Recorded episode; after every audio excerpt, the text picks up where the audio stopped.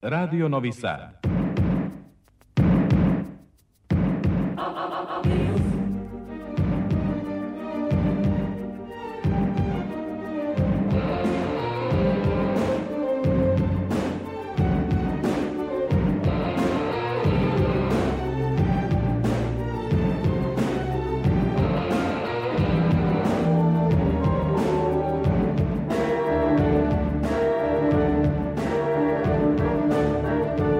Spektar.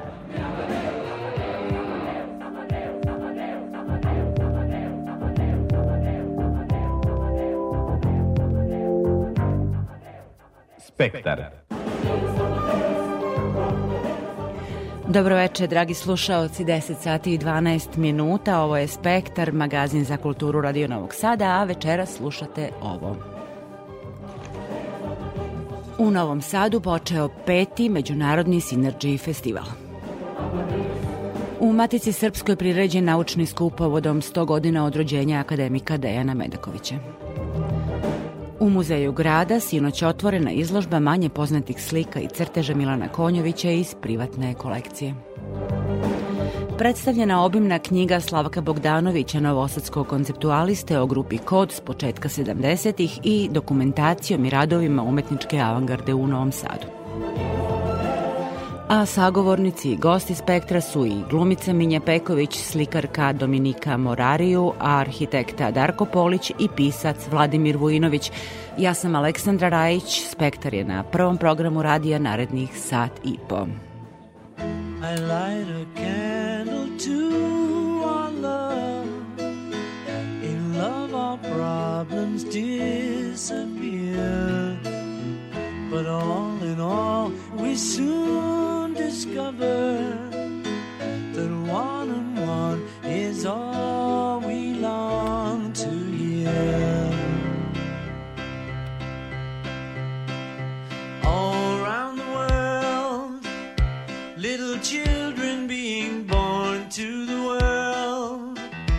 Got to give them all we can till the war is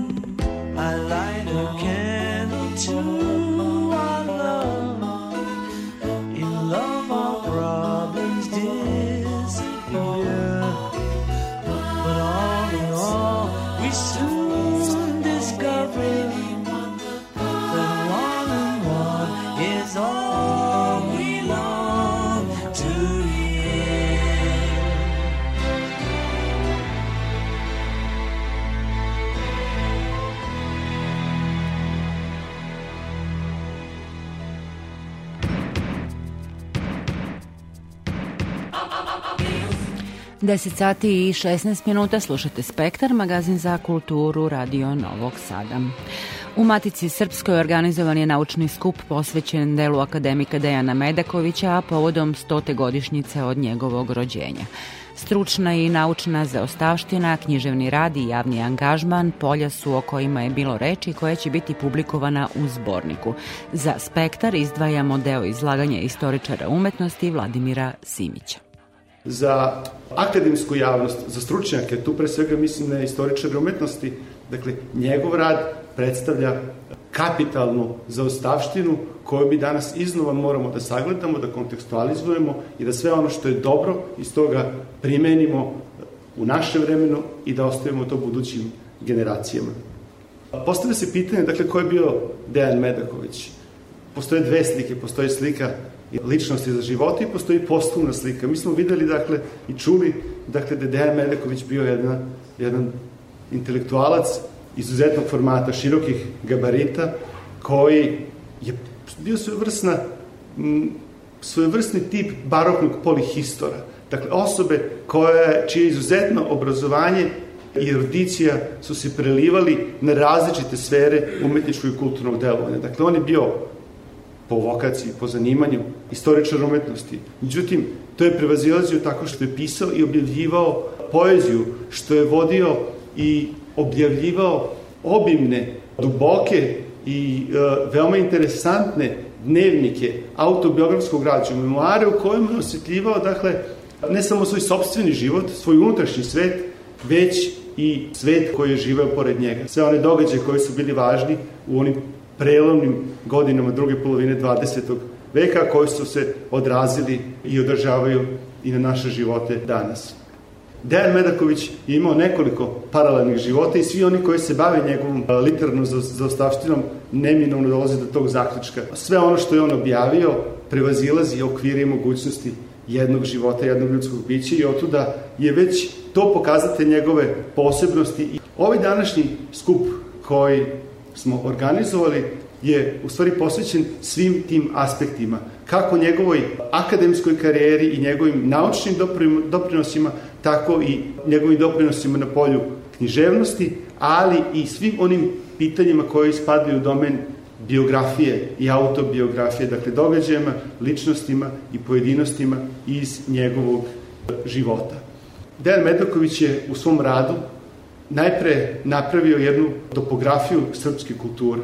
Ta topografija srpske kulture je izuzetno važna zato što ona pokazuje kako i na koji način i u kojim okolnostima i u kojim kontekstima se srpski, je srpski narod živeo i u kojim kontekstima je uspevao da ne samo održi svoje nasledđe i svoju tradiciju, već i da joj napredi i da proizvede i donese nove, nove rezultate. Ta njegova topografija i njegov pogled na tu i takvu topografiju je vrlo širok.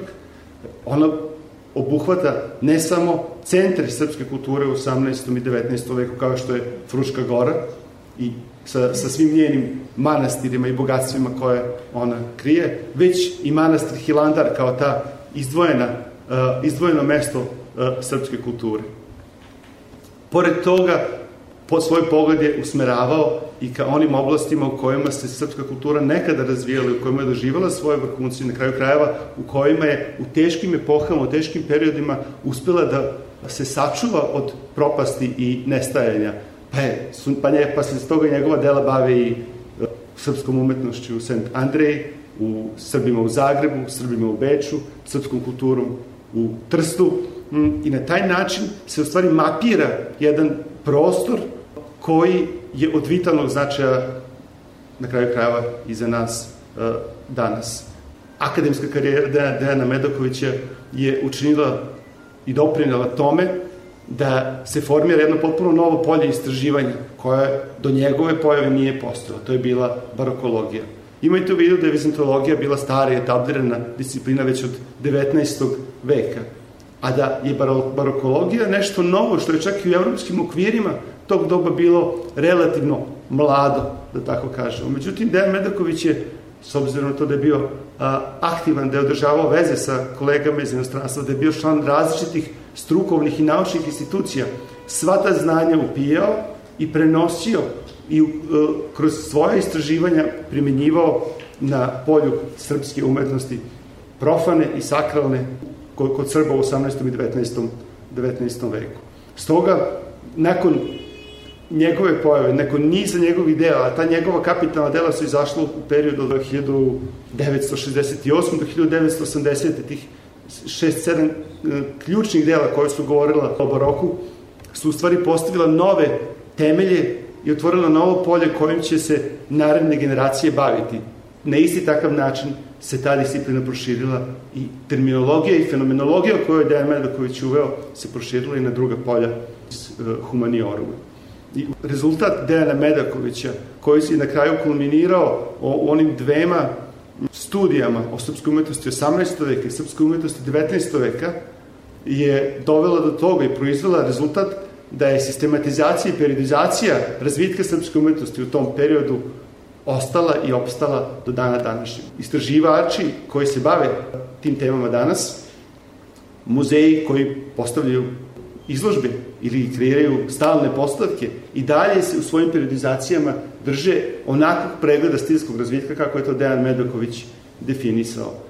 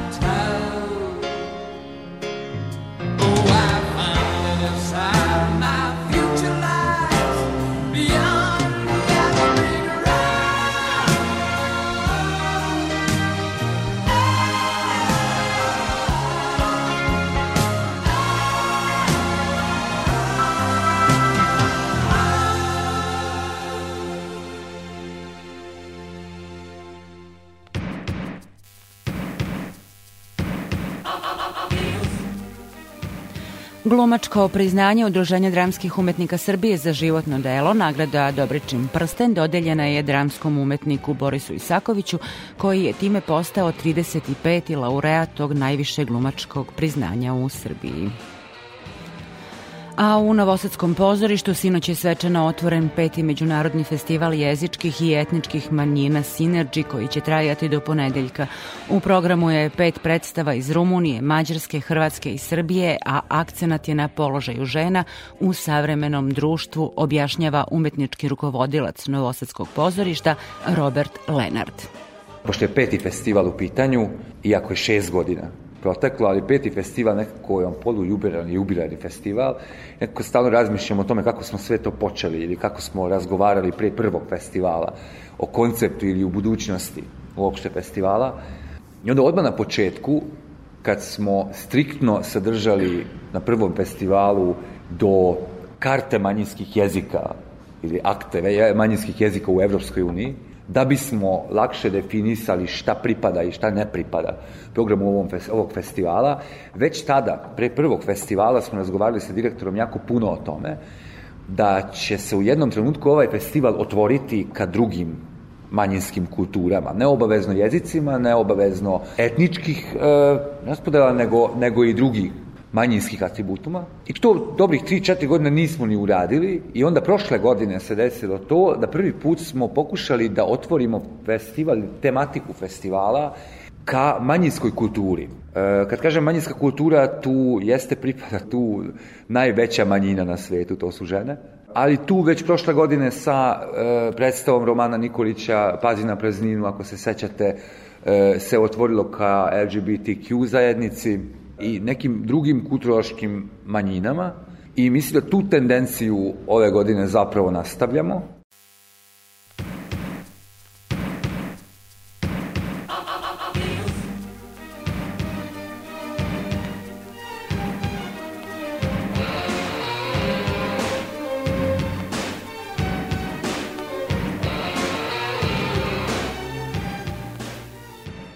Muzeju grada Novog Sada u zbirci strane umetnosti otvorena je izložba radova Milana Konjovića, a dobroveče želimo Ljiljani Lazić, muzejskoj savjetnici u Muzeju grada. Dobroveče i vama. Dakle, Milan Koljović je jedan od zaista omiljenih naših slikara. E, šta je to što još nismo videli i kakvi su radovi u pitanju? O kakvim je radovima reč? Jeste, upravo ste, on je sigurno jedan od najprepoznatljivijih uh, slikara, verujem kad bismo jednu njegovu tipičnu sliku pokazali na ulici da bi ga svako prepoznao.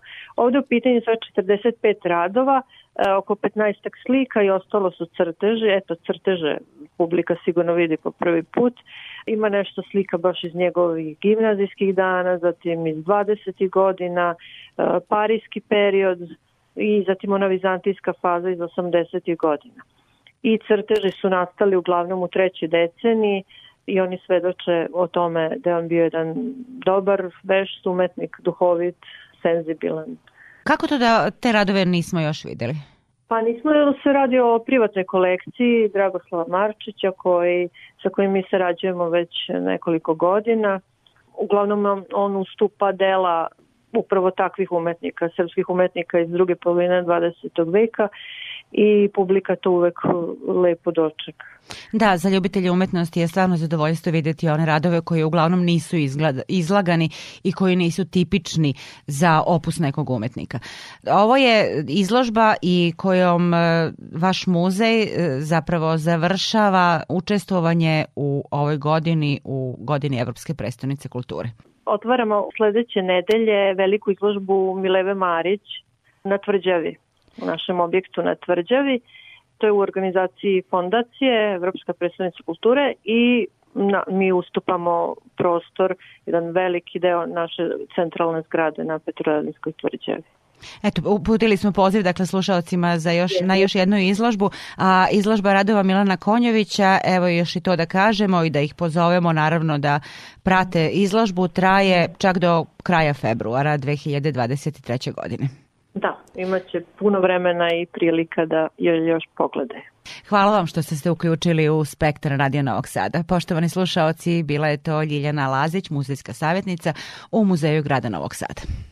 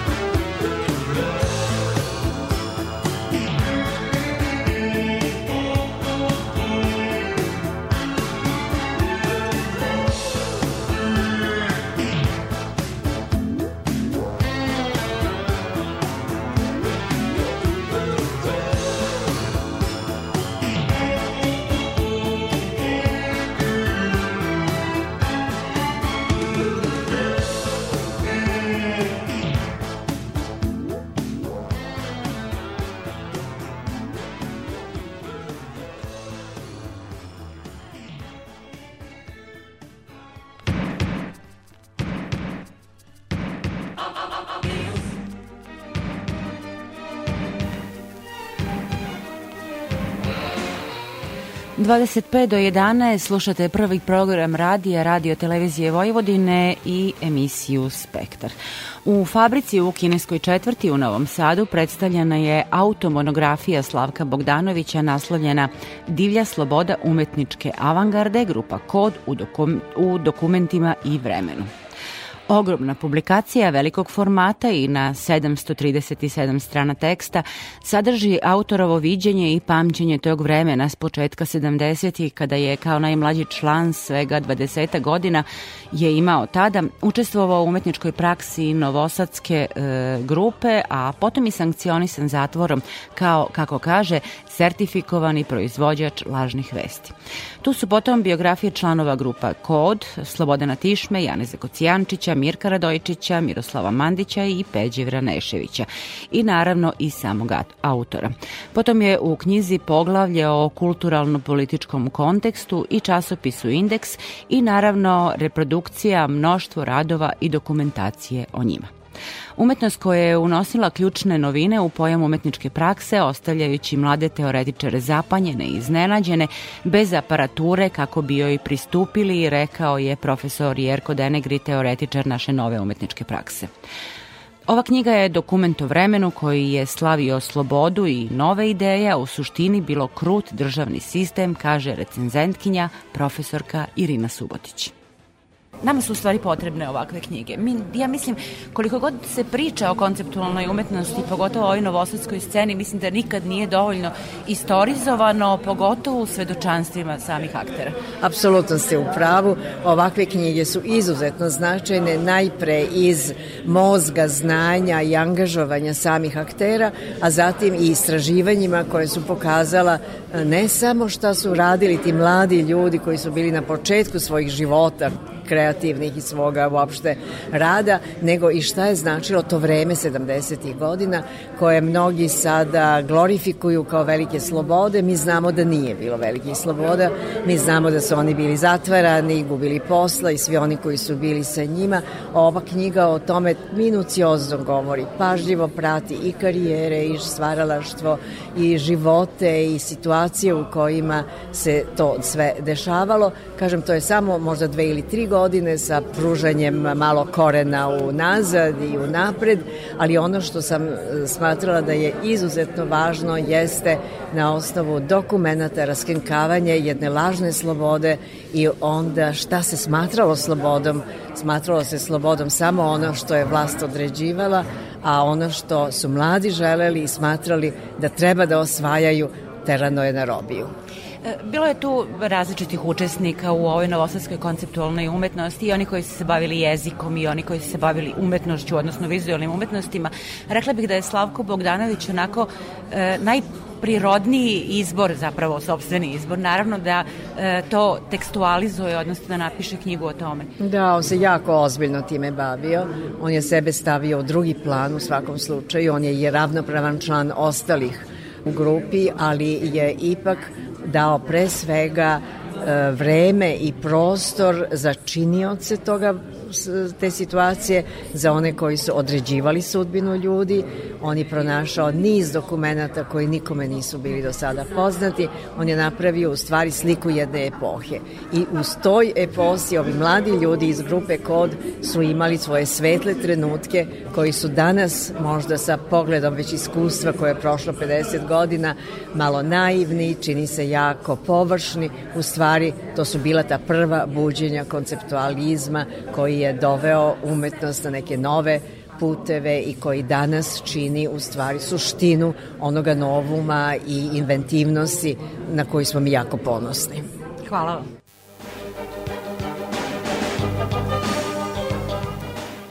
A autor Slavko Bogdanović o razlozima i motivima da se ova knjiga napiše i emocijama sa obzirom na to da je bio najmlađi član umetničke grupe Kod. Taj period je za svakog od nas vrlo važan u našim životima.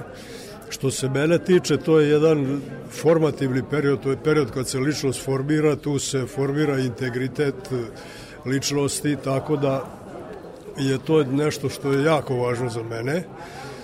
Međutim, ono što je iza tog perioda ostalo, a to je znači ovi naredni 50 godina, se razvija jedan narativ koji je zasnovan više na emocijama, na raznim utisima ljudi, koštam na ličnim mišljenjima, na animozitetima prema nekim političkim animozitetima ili osjećanju da je to bio jedan promašen period u ljudskom društvu i u našem društvu. Tako da ovaj u ljudskom životu možda. U ljudskim životima naravno. Tako da ovaj ono što je propušteno da se uradi to je da se u svoj toj priči o tom periodu oslanja na dokumente. To je, mislim, zatajila i tu i kunski istoričarska struka, tu je možda nekoliko ljudi koje sam ja imenovao u knjizi iz ondašnje Jugoslavije, uglavnom e, iz Beograda i iz Zagreba koji su razumeli te stvari, koji su pratili na pravi način, ali mislim da narošto savremena ta kunska istorija se ne bavi dobro ovim, jer mi do sad nemamo utvrđene činjenice šta je se na bazi dokumenta, šta je se dogovaralo. Iz ove knjige ja mislim da može proizići jedno bar desetak master radova da se samo utvrde činjenice šta je se događalo, pa posle toga nek misli ko šta hoće. Da, vi ste zapravo bazično bavite jednom egzaktnijom disciplinom, vi ste pravnik u, ako se ne varam, u međunarodnim e, nekim odnosima. Yes. E, da li je to možda bio neki diskurs? Rekla mi je profesorka Subotić da ste da jedan od kvaliteta ove knjige jeste to što ste uronili zapravo u dokumentaciju. Pa jeste, mislim, ja jesam, ja jesam, ja sam pravnik po struci, ali kako bi rekao, da bi se čovjek mogao baviti umetnošću na način da nije korumpirane, da može znači potpuno bezuslovno da, da sledi tu svoju neku umetničku crtu ili potrebu. Da bude nezavistan. Da bude nezavistan, on mora imati neki izvor finansiranja. Da bi imali kvalitetan izvor finansiranja morate imati tetku kao što je imao Yves Klein koja je imala zlata pa je davala svom sestriću šta god mu treba da možda pravi onu izvanrednu umetnost pošto ja to nisam imao, ja sam morao da pronađem kako će to sam finansirati, jer je očigledno da mene država nije volela ni onda, ne, mislim da me ni sad ne voli mnogo ovo sve, jer nije bilo neke finansijske podrške ni za ovu knjigu, ovo je potpuno privatno izdanje. Jedino je grad Novi Sad dao jedan iznos koji jest relevantan u relacijama gradskog budžeta, međutim, republička, republički ministar i potpredsednik vlade je odbila da ovo finansira, da podrži na bilo koji način. Isto i po, ova pokrajinska sekretarka, ne znam ni kako se zove. Tako da ovaj nema te podrške. Ovo je znači bilo privatno, to su pomo velik broj ljudi ovo pomogao, prijatelja Ja kažem da su glavni financijeri bili nepoznati, neznani junak i njegovi pajtaši, tako da. E, ne znam koliko danas pratite, a viđam vas na izložbama savremenu umetnost, e, zapravo kada je reč o ovoj nekoj najmlađoj generaciji, postoji li taj moment otpora, makar i pasivnog otpora prema svetu, kakav ste i vi recimo u jednom trenutku mladosti osetili? Ja lično verujem da mladi imaju jako mnogo problema danas, jer je komplikovan je sistem, naročito u našoj zemlji, to je sve, kako bi rekao, podložno nekim partijskim interesima, mi znamo kakva je ovo kultura koja propada po mom mišljenju, tako da mladima ovde nije lako na sreću. Meni se čini da u ovom momentu ima mnogo međunarodnih mogućnosti, jer e, u bilateralnim tim raznim e, relacijama moguće je dobiti i grantove za projekte, moguće je dobiti i boravke u Ali inostranstvu. Imali otpora, imali osjećaje otpora prema svetu? Nosili Otpor prema Pa ja verujem da oni, to je, to je nova generacija, oni imaju svoje jedno osjećanje koje je verovatno vrlo kvalitetno i koje je možda više povezano sa ljudskim pravima, sa borbom za ljudska prava, sa borbom za LGBT prava i tako to. Tako da to je sasvim relevantno i ja mislim da ima i da će biti dosta, dosta relevantnih umetnika u budućnosti.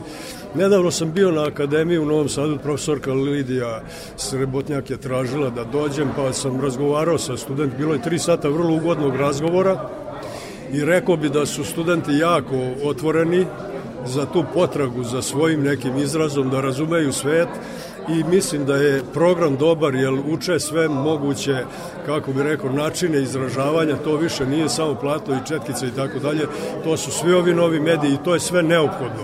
Tako da mislim da će biti, biti dobrih umetnika. Hvala vam puno.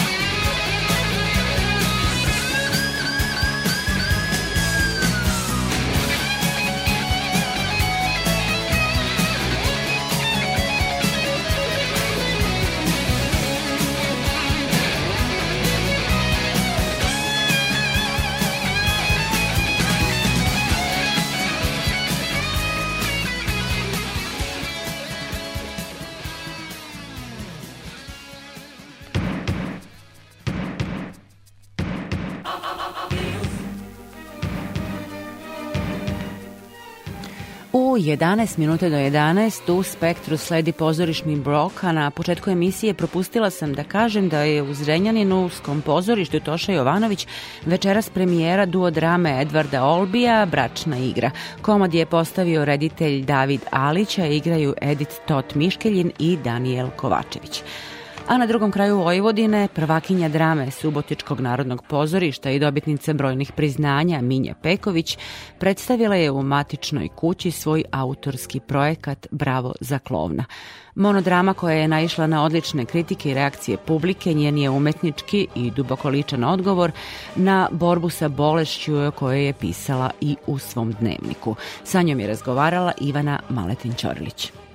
Monodrama, bravo za klovna, glavna je tema poslednjih dana u vojvođanskim pozorišnim krugovima. Pohvale stižu sa svih strana, mi se pridružujemo naravno Hvala. čestitkama. Čiji komentari su vam najviše značili? Videla sam da je i udruženje jedna uz drugu žena za podršku borbi protiv karcinoma takođe prisustovalo izvođenju. Jeste, bilo je jako uzbudljivo i meni je bilo izuzetno drago što su one došle u velikom broju i kad, kad sam završila predstavu uh, i došla na scenu, one su me čekale sa cvećem, sa suzama, uh, izgrlile smo se i to, to je bio recimo za mene naj, najdirljiviji trenutak. Uh, mislim, teško da bih sad mogla da nađem reči da ga opišem, ali uh, sve dileme koje čovjek ima kada nešto stvara, da li je ovo sad samo moje, da li ovo može biti univerzalno, da li, da li će značiti dovoljno drugima koliko sam mislio da bi moglo i taj trenutak je zapravo otklonio i poslednju sumnju. Osetila sam podršku, osetila sam i u njihovim rečima i u reakcijama da se prepoznajemo u svemu tome i, i shvatila sam da, da je njihov osjećaj na kraju predstave da su obodrene, da osjećaju nadu i, i, i veru i da, i, i da to ne manjka uprkos razmatranju i stvari koje u okviru svega toga nisu ni, ni, ni lagane, ni roze, ali ta činjenica da ostaje da ostaju otvorena vrata nakon predstave, da, da, da se vidi svetlo na kraju tunela, e to to mislim da se dogodilo i zbog toga mi je izuzetno drago. da, to je ono najlepše.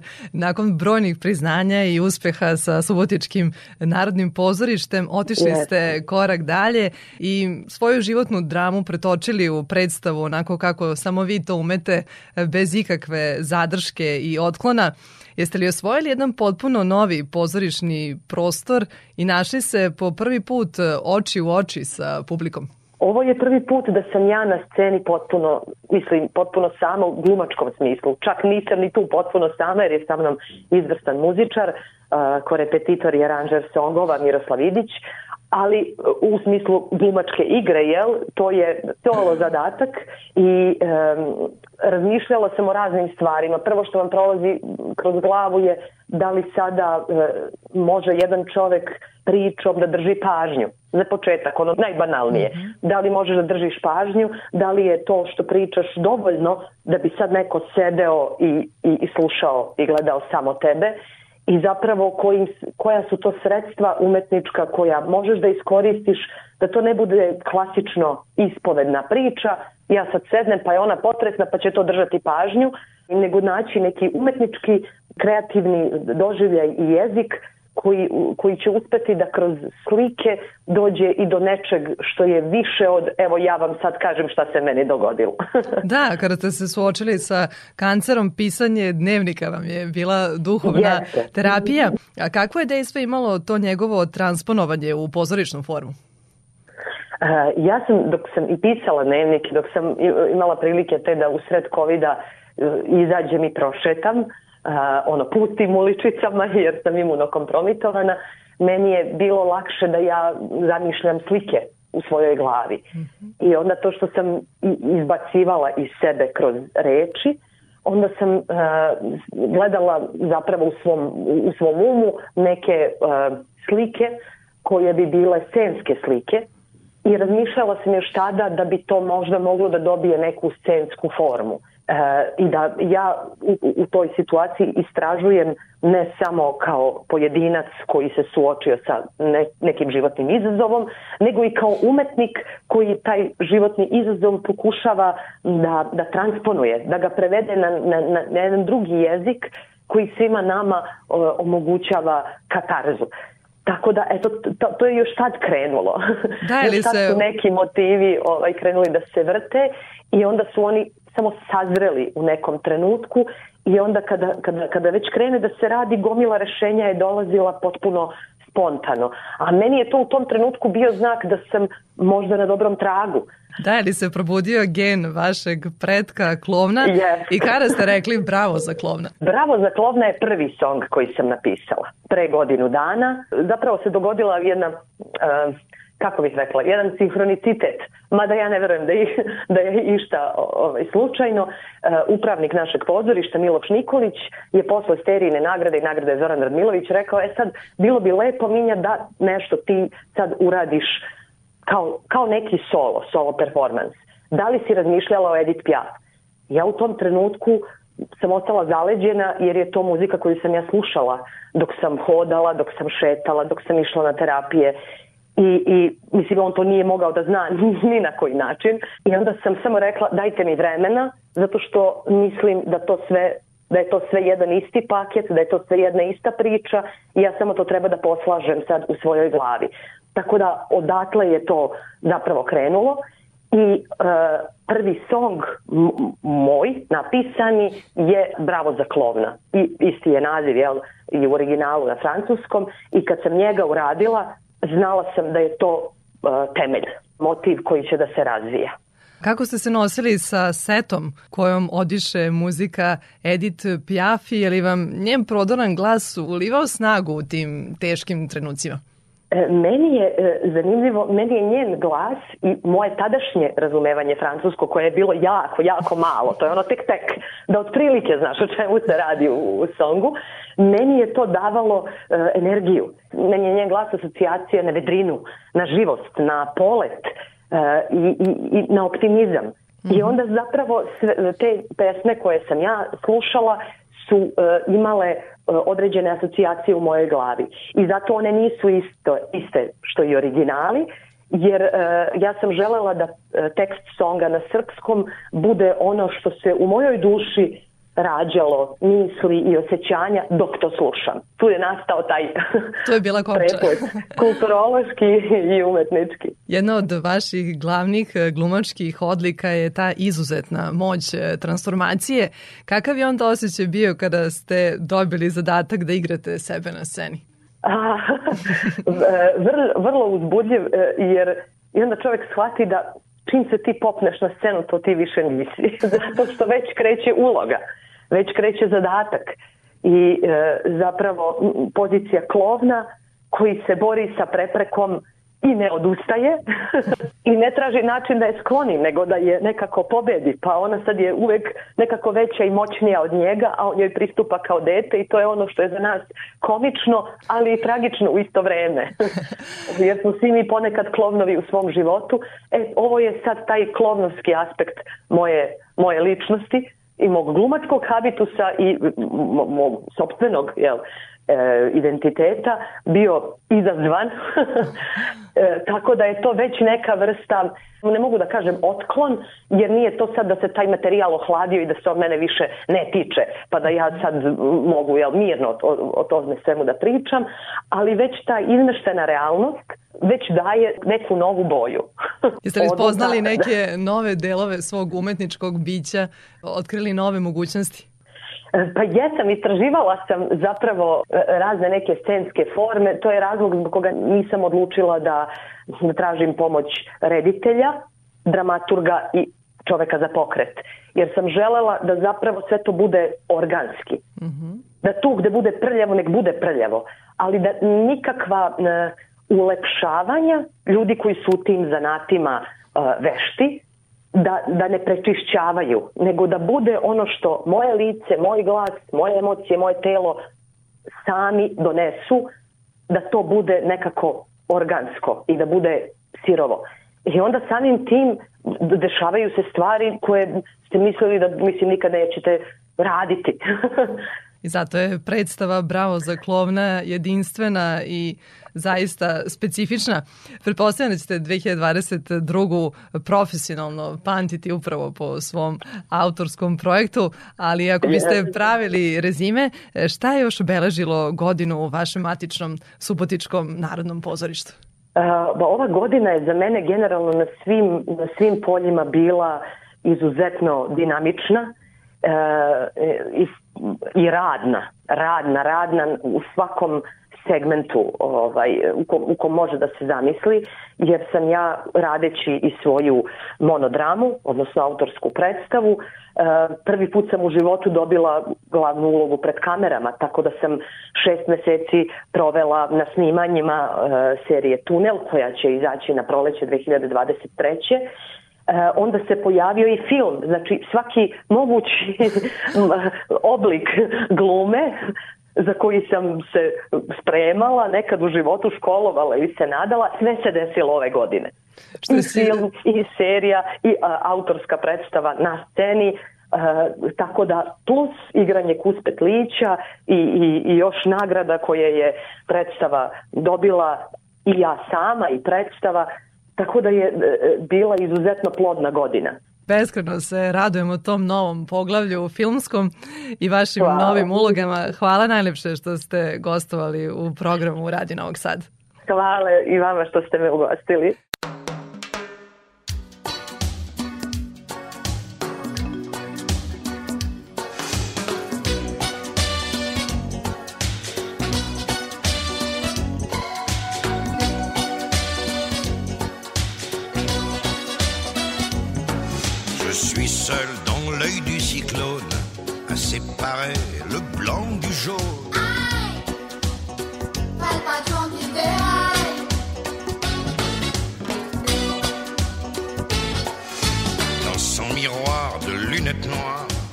Elle se mire et elle se marre.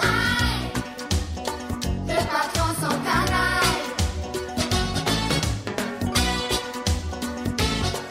Elle se jette dans mes yeux comme du poivre de Cayenne. Ça me rend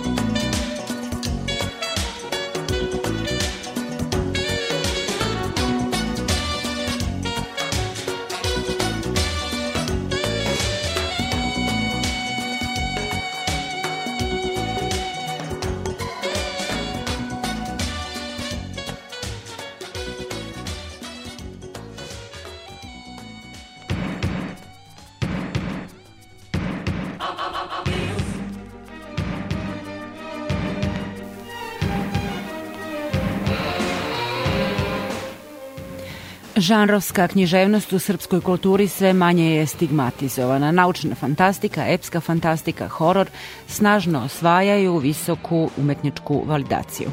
Krimi roman poslednjih godina pod uticajem skandinavskih literature, filmova i TV serija kao i domaće televizijske produkcije priključuju se trendu. Među autorima koji su se izborili za čitateljsku pažnju je i Vladimir Vujinović iz Sombora, čiji je drugi roman Slamar objavila Laguna. Sa njim je razgovarala Tatjana Novčić-Matijević. Kažu pisci, najteže je napisati drugu knjigu. Vaš slamar se pokazao kao dobitna kombinacija, kao uspešan proizvod za pola godine, dobar tiraž ima, dobre čitaoce i ono možda što je najlepša vest, da to nisu isključivo čitaoci krimi romana. Proširili ste krug čitalaca. Pa da, jeste. Ovaj, ja mislim da najveći kompliment koji jedan pisac trilera može da dobije je taj kad čitaoci koji nisu fanovi trilera pohvale, pohvale njegovu knjigu. To se mene često ovaj dešavalo. E, mislim da je to zato e, što Slamar e, nije e, specifičan, klasičan triler u smislu što samo slepo sledi onaj krimi šablon koji podrazumeva da imate nekakve zločine, najčešće ubistva, nekakvog inspektora ili detektiva koji će to da rešava, već ispod tog šablona, poput skandinavskih e, kriminalističkih pisaca, sam se potrudio da zadrem ili načnem, da tako kažemo, i te neke dublje slojeve, pa tako Slamar progovara i o nekim e, društvenim problemima. To je knjiga između ostalog i o tajkunizaciji Srbije, o nekim kriminalnim privatizacijama, knjiga koja u dosta velikom fokusu drži, ima i ekonomski kriminal, da tako kažemo, ali sve je to Ali i povezano sa ljudima čije su ratne prošlosti upitne, govorimo o ratovima 90-ih, radnja se seli s jedne strane granice u drugu, dakle i Srbija i Hrvatska. Reklo bi se da ste široko zahvatili u ovoj priči. Pa da, mada eto sad ste spomenuli ovaj ratove iz 90-ih, ja sam se trudio što se te teme, teme tiče da budem što je moguće ovaj subtilniji, jer zaista mislim da je naša domaća književnost u zadnjih 20 godina bila preopterećena tom temom, tako u tom smislu moramo da kažemo da čitaoci koji nisu čitali Slamara budu svesni da ipak su ti ratovi iz desetih samo jedan onako manja karika koja čini tu misteriju, glavnu misteriju. Jasno, naprosto kao jedan milje koji je podrazumevajući u svim tim kriminalnim radnjama kojima se bavi roman. Tako je, tako je. Pa mislim da je istorija našeg kriminala u punom obimu kreće baš upravo sa tim ratovima iz 90-ih koji su proizveli jel, to beogradsko podzemlje kojeg prepoznajemo takvog i kao danas. Tako. Ali da ne budemo neprecizni, osim ratova, tu je još jedna teška, ozbiljna priča o krađi beba i o preprodaji beba, što je naravno bilo u, u fokusu javnosti proteklih godina. Jeste, i to je eto jedna od suptilnih tema provučenih kroz Slamara koji čine jednu od tih karika misterije. Imao sam situaciju da mi se javio jedan čitalac iz Sremske Mitrovice i onako baš je bio pod, velikim emocijama, gotovo da je zaplakao. Rekao je da je imao situaciju da mu je u porodilištu nestao, znači e, imao je brata blizanca koji je nestao u porodilištu, on je preživeo i baš u Sremskoj Mitrovici. Znači čitavci koji su čitali e, znaju da, da je Sremska Mitrovica također u fokusu što se tiče te teme ovaj krađe beba. Tako da, eto, ono, ovaj, provukli smo i tu temu kao, kao jednu od veoma značajnih za naše društvo i mislim da, da našem društvu su potrebni odgovori što se tiče toga. Rekli ste malo čas po uzoru na skandinavske krimi romane. Ja bih rekla čitajući ovu knjigu da prosto se nameće poređenje sa krimi serijama. Knjiga je tako komponovana u četiri dela sa svaki precizno brojem poglavlja prosto kao da se preporučuje za četiri sezone krimi serije u kojoj će svako poglavlje biti jedna epizoda. Jeste imali to na umu? Prosto mi smo sad sa svih strana imamo te krimi e, serije, manje ili više uspešne. Hoću reći, kada se bavite tim žanrom, sve umetnosti koje su dostupne nekako moraju da utiču kad se piše, ne? Jeste, slažem se apsolutno sa vama. Kod nas je specifična situacija zbog toga što thriller kao žanr nije toliko bio do pre par godina razvijen u domaćoj književnosti, već je taj bum kriminalističkog žanra krenuo prvo preko kinematografije, odnosno preko serija. 2016. sećamo se ubice mog oca, oni su bili neka pionirska, možemo reći, serija što se tiče toga, onda posle njih je došlo zaista pregršt serija u tom žanru i onda na njih smo se nekako posle nadovezali mi, mi književnici, odnosno pisci i da kažemo učvrstili smo taj žanr i u književnosti. Pa da, eto sad kad ste spomenuli i- skandinavce i serije, e, eto, e, možemo e, reći to da Slamar podsjeća, u neku ruku podsjeća na jako čuvenu i popularnu kriminalističku seriju Most, za koju verujem da mnogi e, naši či, e, čitaoci, slušalci znaju. Čuvena švedsko-danska serija.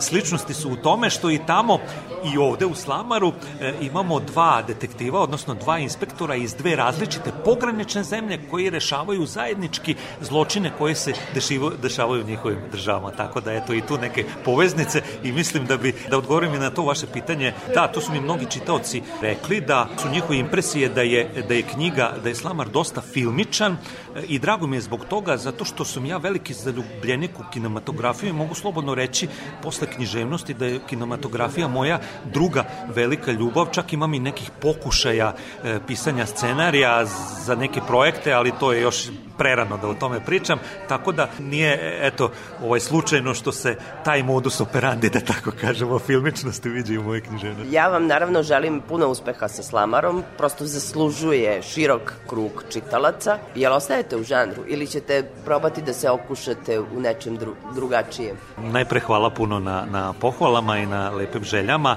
Ostajem u žanru, ne želim da eksperimentišem. Ja moram reći da nisam od uvek bio thriller pisac, znači ja sam kao čitaoc e, i imao razne svoje faze formiranja kao i mnogi drugi čitaoci, ne znam, voleo sam i dan danas volim mnoge klasike Dostojevskog pre svega. Pisanje trilera je kod mene nekako došlo sasvim spontano, da ne kažem slučajno, ali nekako sam pronašao svoj autorski glas i tu neku svoju originalnost najviše unutar ovog žanra i voleo bih da ostanem u njemu, tako da, eto, Bez obzira što je ljudska duša velika tajna. jeste, tako slažem se.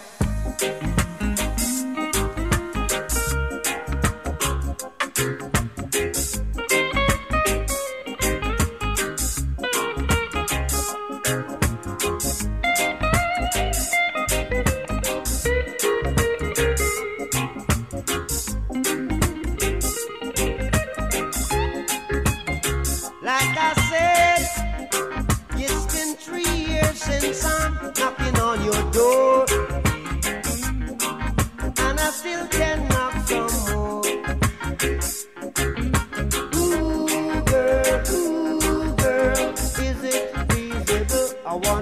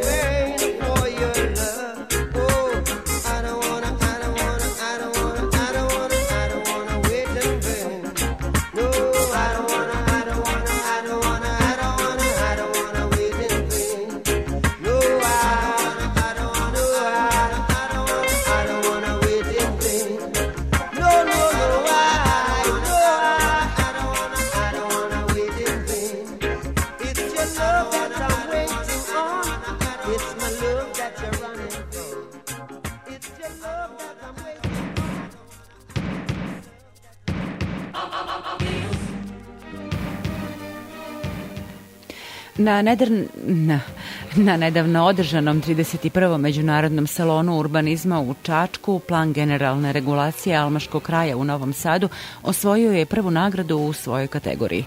Plan je potpisao tim Zavoda za izgradnju grada sa arhitektom Darkom Polićem kao rukovodiocem. Ravnopravnu nagradu, bitno je to reći, naš zavod dobio je i za plan generalne regulacije blokova uz Bulevar Evrope.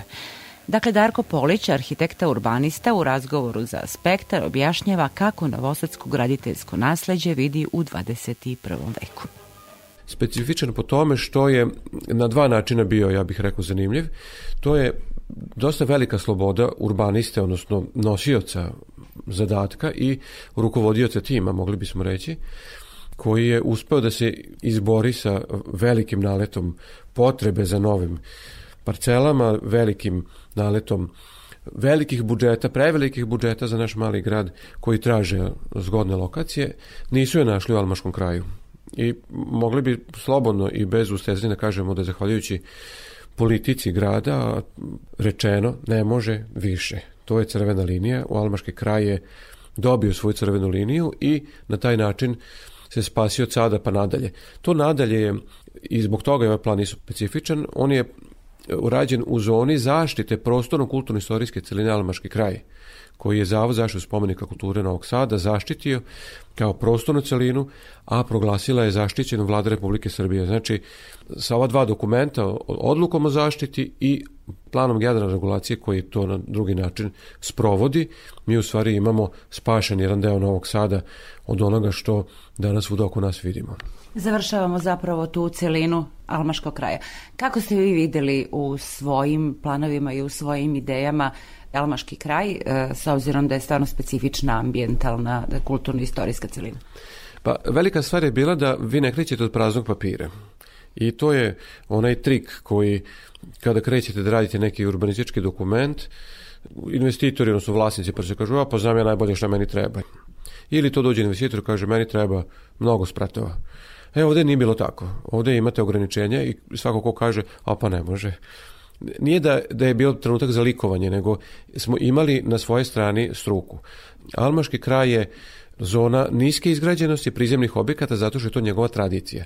Ta tradicija se čuva. Ona se čuva kroz matricu ulice koje su jako specifične za Almaški kraj, koji su jedno nasleđe, ne tako što je to lepo, pa, nego ona ima razloga zašto je se tako dogodilo, mi to čuvamo. Ako čuvamo ulice, čuvamo i kuće, jer ulice bez kuća ne može jedno bez drugog. To znači da je onda intenzitet korišćenja prostora manji. Manje su spratnosti, manje je korisnika, jer za više korisnika treba i više šira ulica, treba i više parkiranja i tako dalje. To su stvari koje je ovaj plan definisao u urbanističkom aspektu. Niski intenzitet korišćenja, porodično stanovanje uglavnom, nema spratnih objekata osim na par mesta, imamo i druge namene osim stanovanja, koje prate i vrtići i tako dalje. Kultura, naravno, to je Matica Srpska. Imamo Svilaru, imamo buduću kožaru, imamo naravno Almašku crkvu, koja je najznačajnije sakralno delo u gradu, u umetničkom kulturnom smislu, pa istorijskom. Namena Almaškog kraja ostaje stanovanje na niskog intenziteta, zbog toga je ono važno, važni su ljudi, tu žive ljudi. To ne znači da treba zaštititi svaku zgradu u Almaškom kraju, nego šta praktično znači, s obzirom na to da ste rekli da gradnje u tom delu, dakle, nema. Tako je, to je dobro pitanje. Mi smo krenuli od uh, zaštitarskog dela. Zavod za zaštitu je procenio koji od tih objekata je najvredniji, koji je manje vredan, a koji može i da se zameni. Mali je broj onih koji su jako vredni, to je jasno, jer nije to najbolja arhitektura Novog Sada, ali ima izuzetnih primjera arhitekture. Većina objekata, govorimo više od 50%, može da se zameni, može da se rekonstruiše, što je još bolje, može da se osavremeni, na način kako je to propisano planom. Ta, te smernice su malo stroge, ali vrlo jasne. Imamo komšije. Hajde da se usaglasimo s komšijama, uz ove i ove smernice, uz odobrenje Zavoda zaštitu spomenika o fasadi, pokrivaču krova, dobit ćemo jednu pristojnu kuću, dovoljnu za jedan savremeni život jedne porodice ili dve porodice u gradu, sa dvorištem, sa zelenilom, sa Einfortom, kroz koji može se prođe da se auto parkira unutra, ne na ulici i tako dalje. Znači, to su pravila koja nisu običajena ili smo navikli da su u Novom Sadu samo zgrade 4, 5, 6, 7, 10, 12 pratova i da je to sad kao nešto normalno. To nije normalno. Normalan Novi Sad od pre 30 godina je Almaški kraj ili nešto malo veća izgradnja kao što smo videli na malom limanu. Drugo je novo naselje, drugo su limani, drugo su ti delovi grada. Ali ono što je centar, što je nasleđeno, nasleđeno zato što već postoji, a ne zato što je prazan papir, kako sam rekao na početku, to mi se drugačije mora pristupiti. Vi ste arhitekta, urbanista, zapravo zanima me šta za vas znači taj almaški kraj. Rado bih videla kako ste sačuvali e, duh tog mesta, s obzirom da je u pitanju stvarno specifičan ambijent.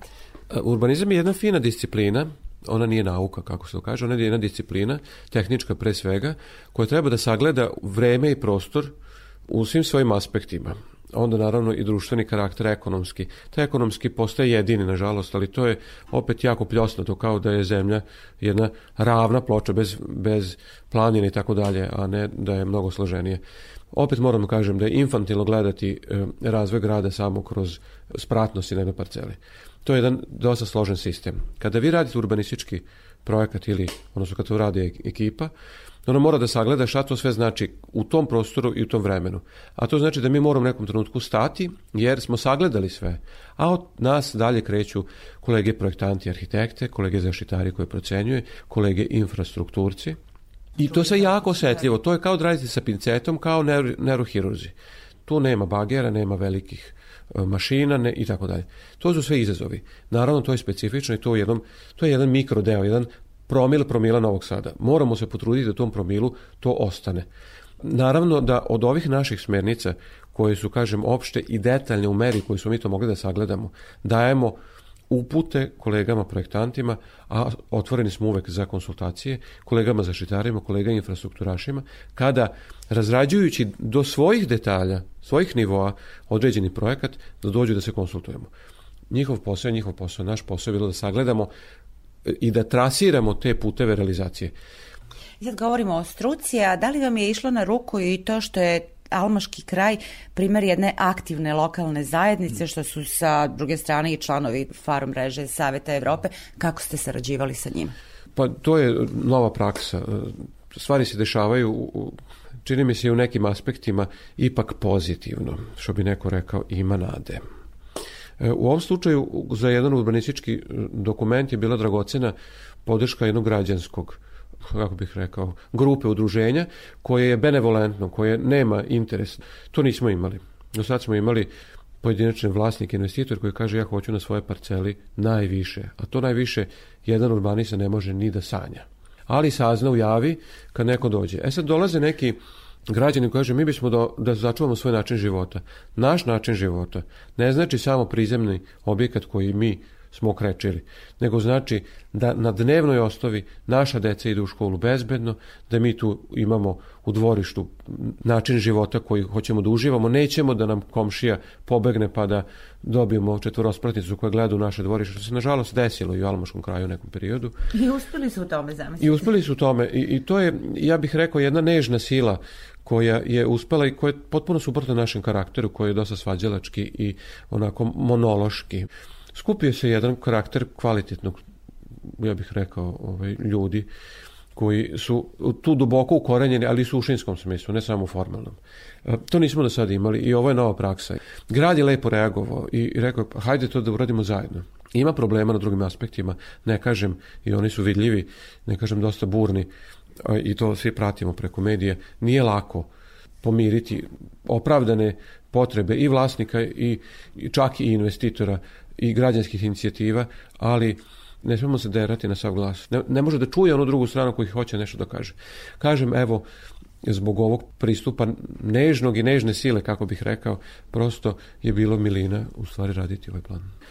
Ako dobijemo ovo što je visoko iznad standarda i Novog Sada i Srbije, da ne govorimo, nažalost, dobit ćemo dobar premijer, kažemo, vidite, može. Moglo je u Novom Sadu, moglo je u Almaškom kraju, možda može i u Telepu, onoj ulici gde su crkve. Možda može u Starom Majoru, opet u Varadinu, gde se još može spasiti. Moralo bi da može u Sremskoj kamenici, na primjer.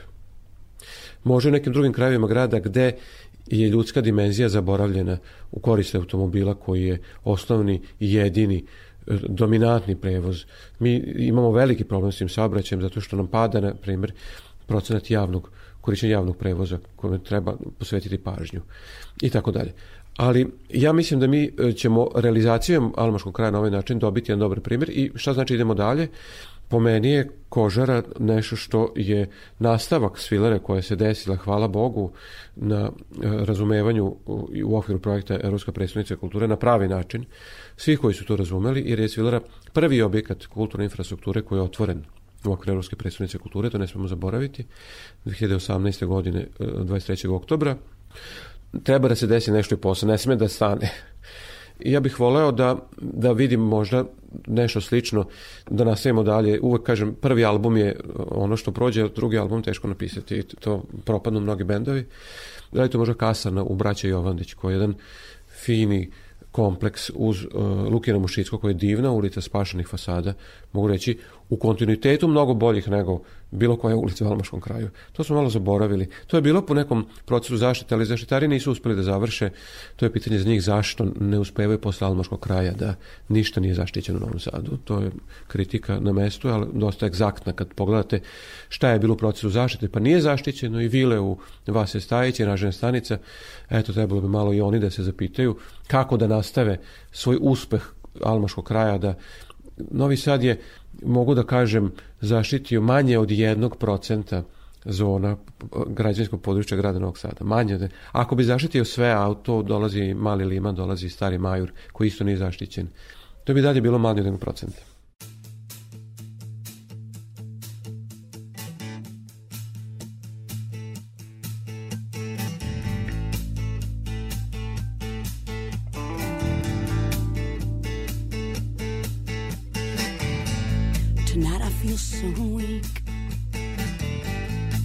In love is fair. I turn the cheek.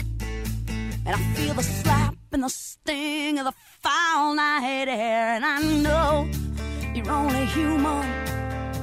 And I haven't got talking room. But tonight, while I'm making excuses, some other woman is making love to you. Somebody bring me some water. Can't you scum.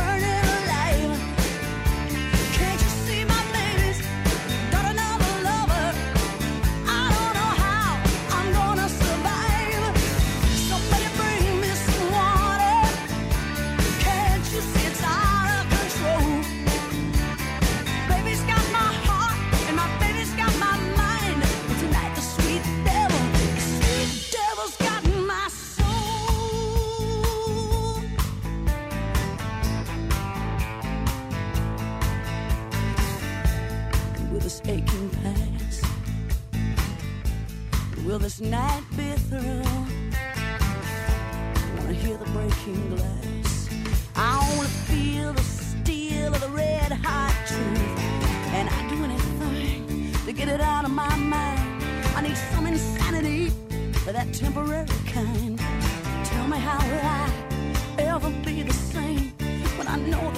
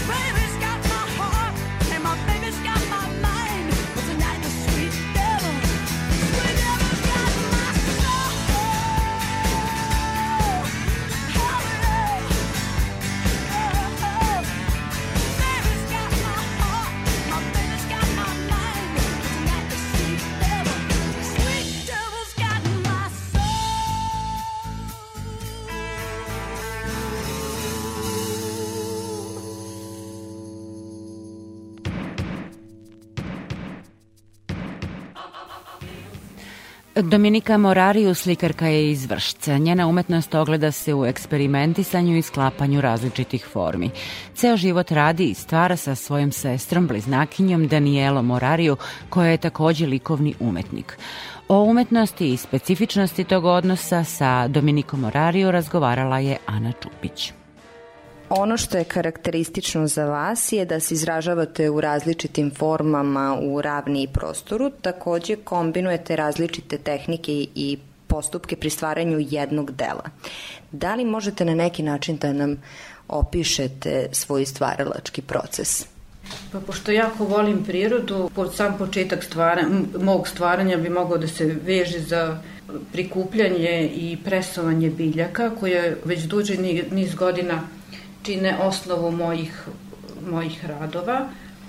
Znači, to su biljke koje ja šetajući u prirodi otkrijem kao neku interesantnu formu. Njih zatim presujem i od njih su nastale neke minijature koje su kasnije fotografisane i te fotografije su kasnije obrađene digitalno. O, ove digitalne forme čine osnovu grafika velikih formata kojima se sada trenutno bavim i kojim je sada naročito interesantno. Ove grafike su bile izlagane na majskoj izložbi grafike u Beogradu, zatim onda poslala sam ih na jednu lepu izložbu grafika u Klužu koja će biti u decembru.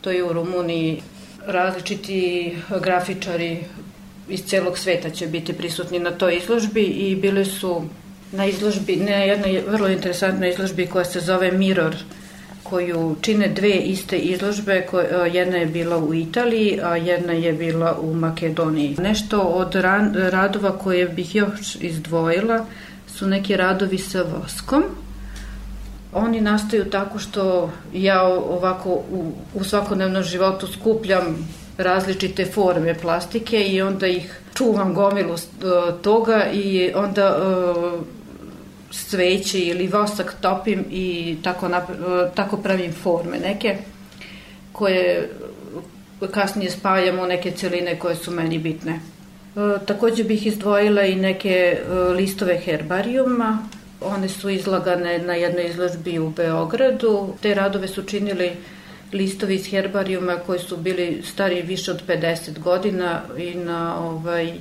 na, na njima sam, znači na te originalne listove herbarijuma sam intervenisala nekim folijama i teksturama sa nekim različitim formama, pismom i one su kolažirane tako da, da su činile tako jednu celinu.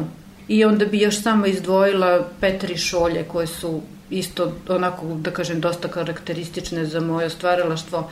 To su Petri šolje koje se koriste u medicini, ja sam ih koristila tako što sam ih punila ovaj, suvim biljkama i različitim teksturama i to sam e, kasnije saznala da je ovaj, u doba korone da su se baš te Petri šolje da su baš u tim neke eksperimente vršili, tako da je to bilo onako baš aktuelno. Ovaj, ja sam to radila pre, to, pre, ovaj, pre korone, ali ovaj, bilo je dosta komentara da, da su im ličile te šolje na te moje neke eksperimente sa neki citati može da se kaže i neka ovaj, veza sa možda pokušavanjem nekog lečenja ili ne, neki način preživljavanja tog cijelog dvogodišnjeg života koji smo svi živeli, jel?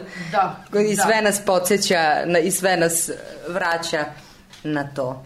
A, ono što je zapravo jako interesantno e, jeste to da je i vaša sestra bliznakinja takođe likovni umetnik i psihološka teza nam kaže da je blizanački odnos zasnovan na konceptu mi, a ne ja. Pa koje su to pozitivne i negativne posledice jednog tako intenzivnog odnosa kao što je blizanački kada je u pitanju recimo stvaranje, obzirom da ste odabrale isti, isti put, isti svet? Da, o, taj odnos jeste dosta intenzivan i dosta komplikovan i da kažem više dimenzionalan, e, pošto se naše bivstvovanje prožima po svim e, tačkama ovaj, našeg života, i na svim nivoima ima dosta pozitivnih stvari analizirajući taj odnos ja sam došla do toga da se mi u stvari vrlo nadopunjujemo Danijele u, i to i u školici ovaj, dok radimo zajedno sa decom. Danijela je ta, onako ona ima neki ovaj, slobodniji o, odnos prema izrazu i prema crtežu uopšte, a ja sam onako malo strožija. To je u stvari i tako i u životu, tako, pošto sam ja starija sestra, ovaj, 15 minuta starija, onda ovaj, onda je to, to tako neki odnos, ali ovaj, mislim da se dopunjujemo. A, negativne strane su to što radimo u istom prostoru uglavnom i što je tu onako e, dosta e, sabijenih emocija u isto vreme. Znači kad se sprema izložba, onda obe spremamo izložbu u isto vreme i onda tu onako dosta ovaj, varnica iskače. Do sad smo e, radove radile posebno, znači svaka za sebe. A sad smo nešto ovaj, krenule da radimo zajedno i ovaj, dosta ljudi kaže da je to vrlo ovako interesantna saradnja. Da se u stvari zaista nadopunjujemo. Zahvaljujući toj monografiji, jel, e, imamo priliku da vidimo kompleksnost pristupa radu sa decom i razvijanje jasne ideje o tom radu. Da li je od početka postojao koncept tog rada ili on došao spontano kada je u pitanju vaša školica, jel, koju ste pomenuli? Pa da, hvala što ste spomenuli monografiju, to nam je ovako baš e, dosta svetla tačka u radu ovih godina, poslednjih godina, prošle godine je štampana ta monografija. Po izjavama mnogih naših kolega ona zaista lepo izgleda i mi smo presrećeni što smo to uradili. Mislim da smo jedina školica u Srbiji koja to ima. Možda čak nisam čula ni u inostranstvu da je neka škola štampala sebi knjigu. Mi smo te radove čuvali više od 25 godina neke i ovaj, presrećni smo što, smo što smo nekako uspeli da ih sačuvamo u toj knjizi. Školica je počela 2000-ih i eto, ovaj, ovih, ovih dana stvarno napunili smo više od 25 godina, imamo više od 100 nagrada osvojenih sa decom. Mislim da je to jedna lepa brojka. Na svim nivoima smo učestvovali sa izložbama dečim i mi smo kao pedagozi više puta nagrađivani, tako da posao je divan i zaista ispunjava. Davno, davno čitala sam esej u kojem Sveta Lukić govori o tome da je i sport svojevrsna umetnost. Sećam se istina površno tog iskaza, ali i suštinu sam otprilike dobro upamtila. Možda je stoga ovo i prilika da poslednji dio uputimo i mi kulturnjaci Siniši Mihajlović. Eto, bilo bi to poštovani slušaoci sve za večerašnji spektre. Pozdravljaju vas Zoran Gajinov, Božidar Nikolić, ja sam Aleksandra Rajić. Ostavljam vas uz noćni program Radio Novog Sada i pozivam na novo slušanje sledećeg petka.